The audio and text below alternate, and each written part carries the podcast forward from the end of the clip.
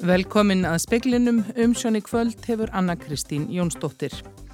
Leigubílstjórar ætla að skerða þjónustum helgina og ekki keira í tvo sólarhinga frá mánundagsmotni til að mótmæla samþygt leigubíla frumvarpsins. Formaði bandalags íslenskra leigubifriða stjóra segir að stjórnvöld hafi sett stjettina á útrýmingalista. Það vekur formanni samtakana 78 hroll að mennir sem ákerður eru í hriðiverkamálinu rættum að fremja fjöldamorði í gleðigöngu hins egin daga. Vilji samtaka aðtunlífsins stendur til þess að semja hratt og öruglega við eblingu á sömunótum og við starfsgreinasambandið. Formaður eblingar segir að það aldrei verða samþygt. Kennitöluflakkarar geta lendi alltaf tíu ára banni frá aðtunurregstri, brjótið er ítrekkað af sér sangant nýjum lögum frá alþingi. Bandalag íslenskra leigubifræðastjóra skerðir þjónustu um helgina og leggur niður störfi tvo daga frá mánundagsmotni til að mótmæla samþygt leigubíla frumvarps innviðar á þeirra á alþingi í dag. Frumvarpið ringar þau skilirði sem þarf til að reka leigubíl. Meðal annars er lagt til að takmarkanir á heildarfjölda starfsleifa verði afnumdar.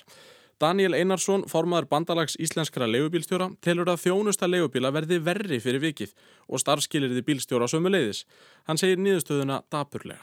Starfstjett sem er búin að vinna við starfið í mörg ár er eiginlega bara sett á útrymmingalista. Leigubílstjórar mótmæltu fyrir utan ráþærabústæðinni Tjarnagötu í morgun á meðan reglubundin ríkistjórnarfundur stóð þar yfir. Þeir stóðu á samt fjölmjölafólki fyrir utan bústæðin en freistuðu þess að komast inn í andri til þess að lesa ráþærum yfirlýsingu sína um frumarpið. Svo fórað fjölmiðlafólki var hlift inn í hlíuna en Daniel og félagi hans úr bandalagi leigubílstjóra urðu að býða fyrir utan í tíu stega frosti í 44 mínútur. Ég tók tíman, segir Daniel, sem finnst atborðarásin í Tjarnagötun í dag lýsandi. Já, við fengum að finna það að við værum út í kuldan og þar skildum við dúsa. Blind og sjónskjart fólk notar leigubíla mikið. Daniel segist harma að vinnustöðun leigubílstjóra bytni á þessum kæru viðskiptafinnum. Já, þetta er bara neyðar úr okkur þykir þetta leitt fyrir viðkvæmustu hópana sem eru okkar kærustu viðskiptafinnir að þetta þurfa að bytna á þeim en það mun bytna á þeim hvort er til frambúðar. Saði Daniel Einarsson, Ottur Þórðarsson talaði við hann. Nýri kröfu hér að saksóknara um gæsluvarfaldi við mönnunum sem ákærðir hafa verið í svokölluðu hriðjverkamáli var hafnað í hérastómi í dag.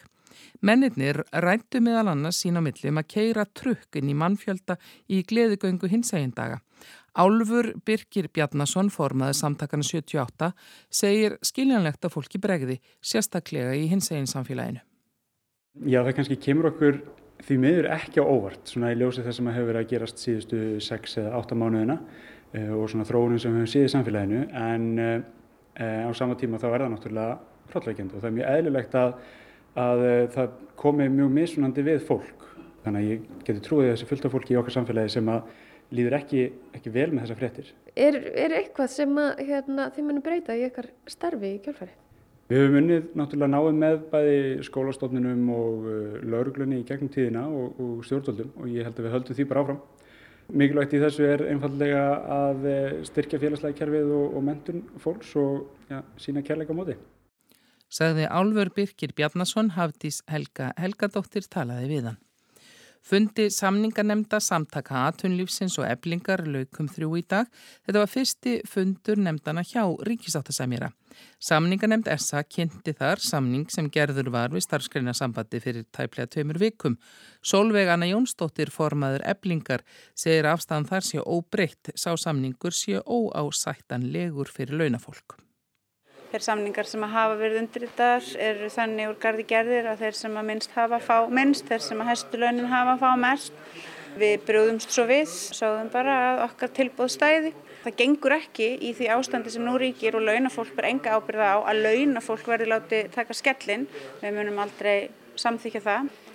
Og mikilvægt að halda því til haga að miða við undirleikjandi efnahagsforsendur er ljóst að SGS félugin eru mega vænta verulegar kaupmáttaraukningar á samningstímabilinu og ég vil að fóri yfir það fyrir hann samtaka aðtunlífsins að það var í vilji okkar að semja við eblingu og gera það hratt og öruglega með það fyrir markmiði að hleypa þessum launahækkunum út núna í aðdraðanda jóla. Sagði Haldur Benjamin Þorbergsson framkvæmdastjóri SA. Næsti fundur í deilinu verður 22. desember á 5. daginn í næstu viku. Landsréttur staðfesti í dag 8 ára fangilsistóm yfir Átmari Jóhannessi Guðmundssoni sem hóf skotrið á eigilstöðum í ágúst í fyrra. Átmar beindi haglabissu að tveimur piltum á heimili annars manns, skaut á muni innan dýra og tvo bíla fyrir utan og annað hús. Hann skaut svo að tveimur lögurglumönnum og var að lokum skotin sjálfur og særður. Kennitölu flakkarar sem hafa getað stopna hvert fyrirtæki á fætur öðru og rekið þrótt horfa fram á nýjan veruleika eftir lagasetning og alþing í dag. Þingmenn samþykti í dag einur og maður lagabreitingu sem á að spórna við kennitöluflækki. Samkvæmtinum ný samþyktu lögum á skiptastjóri hlutafélags eða enga hlutafélags að krefjast þess að lagt verði atvinnurekstrarban á einstakling sem ekki telst hæfur til að stýra hlutafélagi vegna skadilegra eða óverjandi viðskipta átta. Þar er vísa til þess að menn setji fyrirtæki gjaldþrótt og reyna að koma eignum undan við stopnum nýs hlutafélags. Skiptastjórin á meðal annars að líta til hlutverks einstaklings við stjórnum fyrirtækis og aðstæðinni í heild, meðal annars hvað hann hefur gert til að varna tjóni. Atvinnurekstaðbannið gildir almennt í þrjú ár en við sérstakar aðstæður má úrskurða einstaklingi í stittirabann. Ef stjórnandi fyrirtæki sem hefur verið úrskurðaður í atvinnurekstarabann heldur áfram atvinnustarfsemi og heldur hátsemi sinni áfram er hægt að framlengja bannið. Það getur mest orðið tíu ár samfleitt. Ekki er nómið að kennitölu flökkurum verði bannað að reyka fyrirtæki næstu árin, heldur geta þeir orðið persónulega ábyrgi fyrir öllum skuldum og skuldbindingum ef þeir halda áfram að reyka fyrirtæki þrátt fyrir bannið. Brynjólfur Þór Guðmundsson sagði frá. Alltaf 50 manns geta bæst í þann hóp sem nýti sér NPA, nótendastýrða persónlega aðstóð fyrir fallað fólk sem þarf hjálp í daglegu lífi. Alþingi samþykti frumvar félags- og vinnumarkaðsráð þeirra þess efnis í dag. Sankvæmt nýjustu upplýsingum eru 44 á byðlista eftir þessari aðstóð.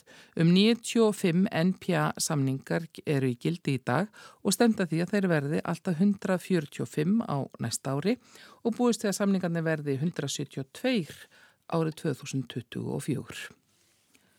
Umsáturs ástand myndaðist við dýragarðin í Fúruvík í Svíþjóð þar sem fimm simpansar sluppu á svæði sínu á miðugudag.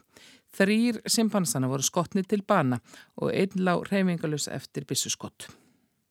Alls voru sjö simpansar í dýragarðinum í Fúruvík. Einn simpansana sem slapp kom sér sjálfur tilbaka inn í simpansahús dýragarðsins. Annika Troselius, upplýsingafulltrúi Furuvíksparken, sagði í samtali við sænska ríkis sjónvarpið að örugast hafi verið að lóa dýrunum þar sem þau geti ógnað fólki ef þau ganga laus. Yng Maríe Persson sem vann með simpönsunum í um þrjá áratugi skilur ekkert í viðbrögðum núverandi starfsmanna við flótanum. Hún telur að starfsfólkið hafi hreinlega mist stjórn á sér af hræðslu. Simpansarnir eru mjög vinsælir meðal gesta dýragarðsins. Simpansi prýðir merkigarðsins og húsi þeirra er það fyrsta sem gestir ganga að. Margir þeirra hafa öðlast nokkra frægð. Santino er líklega þeirra þekktastur fætur í april árið 1978. Sænskir fjölmiðlar segja Santino hafa verið eftirlætis simpansa Viktoríu krónprinsessu. Hún og Magdalena sýstir hennar eiga báðar málverk eftir Santino. Í tilkynningu frá dýragarðinum segir upplýsingafull trúinn að allt starfsfólk sé harmi sleigið eftir atburði síðustu daga. Margir unni simpönsunum og þau skilja að margir séu sorgmættir. Róbert Jóhansson sagði frá. Veðurstofan hefur gefið út gular veður viðvarnir fyrir höfuborgarsvæði, faksaflóa, breyðafjörð og söðurland vegna söðaustanáttar og snjókomi í nótt. Viðvarnina taka gildi í kvöld og gilda fram eftir morgni í fyrramálið. Það var að við lélegu skigni og verstandi aksturskilruðum í byggð meðal annars í borginni en engum á fjallvegum.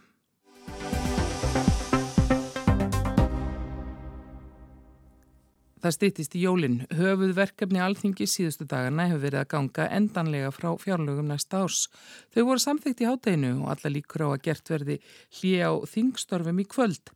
En meðal breytinga á fjárlögum sem lagðar voru til að fjármálar á þeirra milliðumverðana voru stóraukinn framlög til lögreglu um hálfur miljardur í aðgerði gegn skipulaður í brotastarsemi og 900 miljónir sem fjármálaráðinu til sæði að væru tilkomnar með hliðsjón af markmiðum um viðbragstíma málsmeðferðar, hraða og öryggi stig. Sigriður Björk Guðjónsdóttir ríkislauglustjóri fagnar því að bæta í fjárveitingar til lauglunar. Hún hefði lengi verið undir fjármögnuð og undir mönnuð. Og það gerðist í rauninni eftir hrun, við hefum ekkert alveg jafnað okkur, jafnvel þó að síðustur áþurar hafi verið vinsanleiri í garð lauruglunar, þá hefur það kannski meira verið að, að reyna að styrkja ákveðna málaflokka. Og við hefum lengi talað um skipulaða brotastarsemi, eða skoða skíslu greiningadeildar mörg ára aftur í tíman, að þá er váin, hættan á Íslandi talin vera mjög mikil af skipulari glæpastarsemi. Og lauruglan þurfa að geta brugðist við útköllum af þrótti, það er hverju sem er, hvenar sem er og hvar sem er og þá þurfi rannsóknum lauruglumenn að fást við alveg brot eins og mandráp, kynferðisbrot og líkamsmeðingar. Þar fyrir utan eru við með rannsóknum lauruglumenn sem er að rannsaka skipla brotastarsemi og það er ekkit bara fíknarnamál, það eru líka mannsal og, og fleiri mál. Og þegar þú ert að tala um skipulaða brotastarsemi, þá ert að tala um starfsemi sem að tegi sér til margra landa og hún er tímafreg. Þú ferði ekkert klárar það á mánuði. Þannig að þetta geta verið rannsóknir sem standa í 1-2 ár og jafnvel lengur e, og aukin áhersla núna er á þessa tengingu við efnagsbrotin og fjármunabrotin þar sem að þetta snýst allt um peninga og það þarf að koma þá peningunum ekkert og þá þarf að skoða peningaþvætti og þess áttar.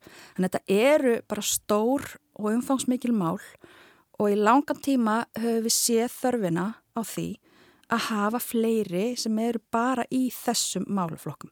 Ekki bara sem, sem fara síðan inn í, í kynferðsbrotadeildina eða inn í hérna, mandrapin þegar þar harnar á dalunum til að stýtta málframfæra tíma og fleira sem sannlega þarf að gera. Og það eru peningar komnir í það. En þetta höfum við beðum lengi og við teljum þetta sem mjög brínt.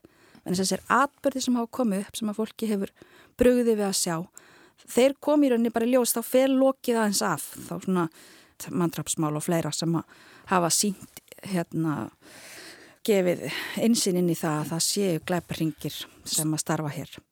Sigurður Björk segir fjarrilagi að meira sé gert úr hættinu af skipulaðri glæpastarsemi en tilipin sé til. Það þurfi fleira fólk til að rannsaka hana betur og fleiri frumkvæðisrannsóknir. Við verum að aðtóa það að eins og mannsal, við vitum að það eru mannsalsmál hér Við höfum verið að fá allt og fá að dóma, við höfum þurft að vinna með erfiðar aðstæður en það er mikil fræðsla og það er mikil gerjun í þessum málflokki og þar eru við að tala um að það verið að hagnýta fólk með bara óbærilegum hætti bæði sem vinnuafl og í hérna kynlífsþrælkun líka. Þetta er líka gerast á Íslandi og við erum í samstarfi þvert á önnur þvert á ríki. Við erum með fulltrúa hjá Europalauruglunni sem að starfa með okkur og það eru bara þessi nokkur, nokkri hluti sem alltaf þarf að hafa í huga. Þegar við erum með skipla brotastarfsemi þá þarf öðruvísi aðferðir. Það þarf miklu miklu dýbri og lengri og viða meiri rannsóknir sem hafa alþjóðlega vingil hafa tengingar inn í hérna fjármuna brotaheimin allan saman. Og það er alltaf hérna snýst um að, að, að það sé viðtakt samstarf á milli innlendra aðila og erlendra. Öðruvísi er þetta ekki hægt Ef ekki er hægt að leggja í langtíma rannsóknir, segi Sigurður Björk, er hægt við því til dæmis í fíknefnamálum að höfupöratin náist ekki. Og við sjáum alveg óbúslega mikla fjölgun á burðatýramálum, hinga til hans núna á síðustu vikum og mánuðum. Lörglun og Suðunisum hefur aldrei verið með hitan í haldinu þar. Ég held að sé að meðaltali áttamannis í gæsla og dag búið að vera eitt aldinn tíma hjá þeim, sem er alltaf gríðalegt umfang.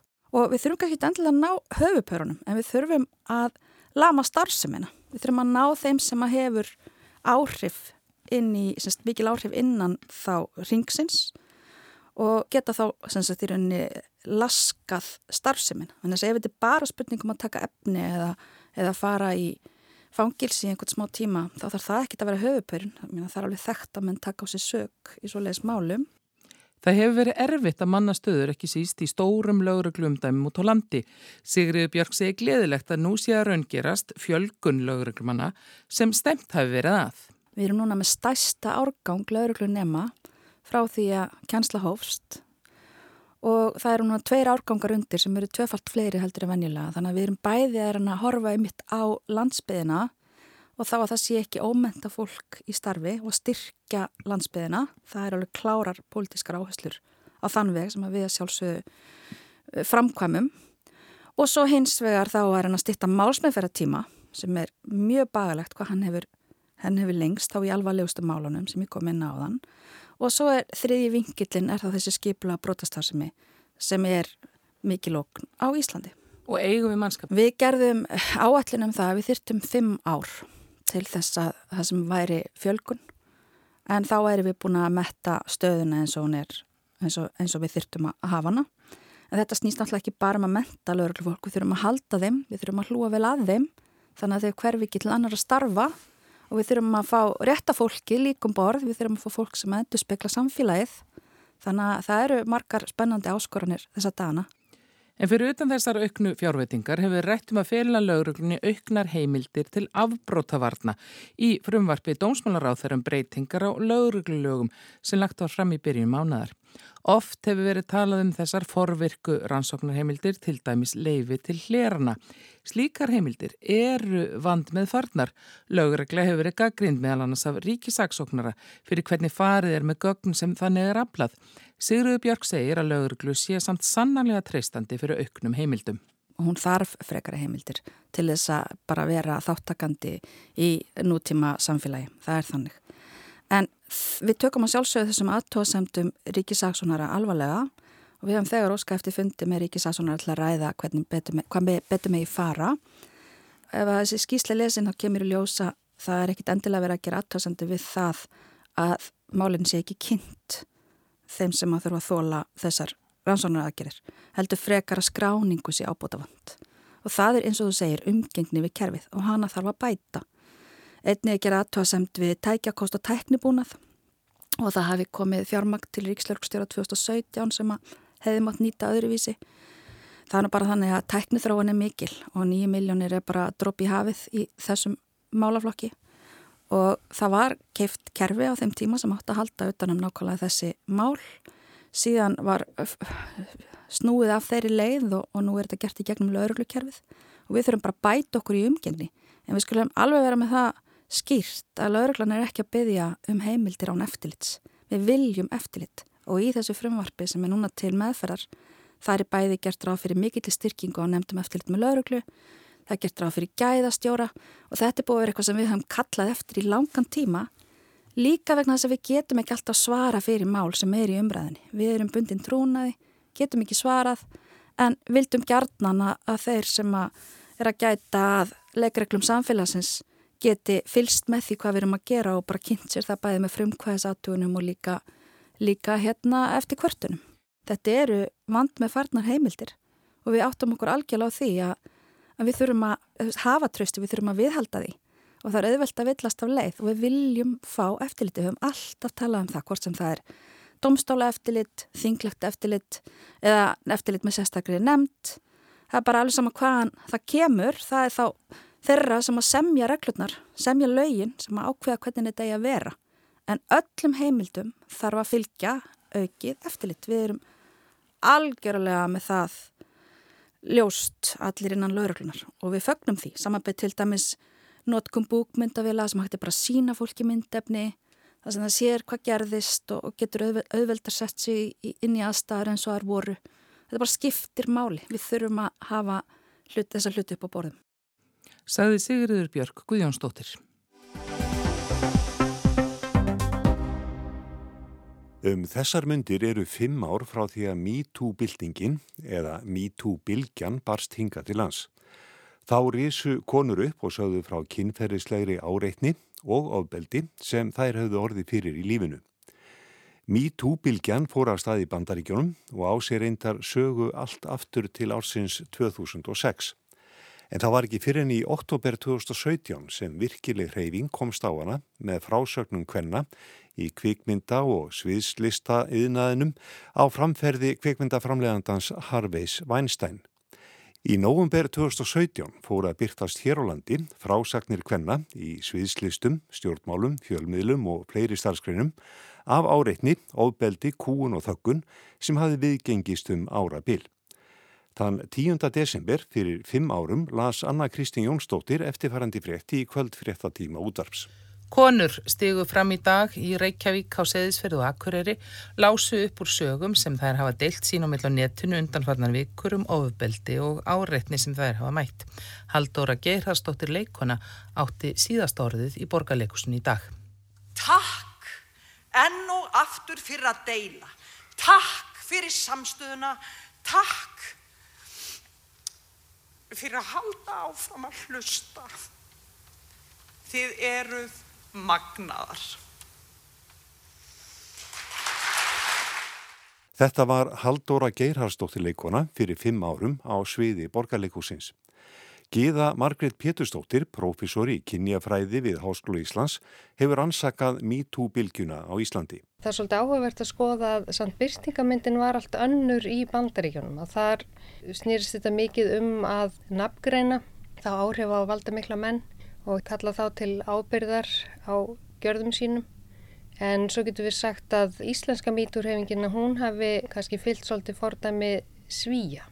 Og þá svona til að byrja með snýrist þetta um það að konur gáttu stígið fram naflaust og sagt frá reynslu sinni. Og svona á þessum fyrstu stígum mítú að þá var áherslan ekki svo mikið á það að nafngreina einstaka menn þótt að ákveðin kannski nöfn hefur komið upp í umræðinni en þá var það ekki fókusin. En það sem að kannski rættir svo staðmyndi að segja í íslensku samfélagi var það að það voru áhrif á konur sem að stegu fram og sögðu frá því að þær hefðu verið beittar kynferðslega óbeldi eða kynferðslegar áreitni og við getum sagt að það hafi eh, svona orðið kvati fyrir aðrar konur að stíga fram þótt að hafi verið ofta naflust að það getur sagt að þær hafi svona í, í mitt skjóli þessara áhrif að hvenna geta sagt frá sinni reynslu. Þannig að það að þessar áhrifakonur stígur fram í byrjun að það getur sagt að hafi svona orðið til þess að íta svolítið þessum bolta af stað. Þannig að það hefur lengur verið þannig og við getum sagt að það séu þetta bara engin af þessari þólenda skömm að fólk sem hefur verið beitt ofbeldi, kynferðslu ofbeldi að það fyrir me too að það var miklu erfiðar að segja frá þeirri reynslu vegna þess að skömmina hún átti það til bara að vera först við þann sem fyrir ábeldinu varð.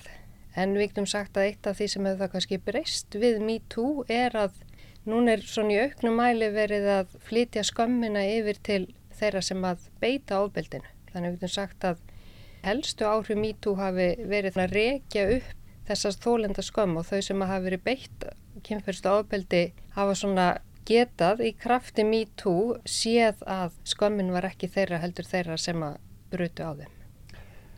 Hefur þetta leitt til þess hér á landi og náttúrulega víðar til þess að konur og þeir sem hafa verið beittir kynferðislega mm -hmm. er þeim létt?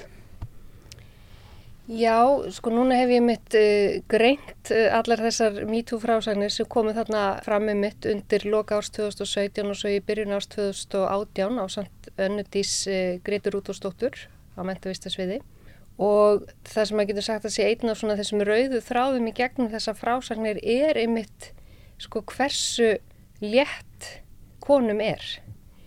Og líka það að það sem er svo ábyrrandi í þessum frásögnum er ymitt hvað kynferðsla áreitnin, kynferðsla ábeldi var í raunni þessi hluti af dagstaglegum veruleika hvenna og síðan fyrir tilstöðula MeToo að þá eru konur og síðan fleirið út í kjölfarið að átta sig á því að þetta þarf ekki kannski endilega að vera svona. Og þetta er ekki svona kannski hefð eðlilega ástand. Þannig að MeToo hefur verið hluti af þessari vitundavakningu bæði um bara hvað fælst í kynferðsleir áreitni sem og afleiðingum sem eru bæðir ansóknir sína og byrtist í reynslu fólks bara mjög langvarandi. Þegar þetta kom upp hér landi fyrir fimm árum þá skók þetta óneitanlega samfélagið, mm -hmm. voru heilu starfstétnar sem komið fram Hver urðu viðbröðin hér? Við getum alveg haldið fram að það voruð einhvers konar vitundarvakning og það eru auðvitað mjög nöðsilegt fyrsta skref.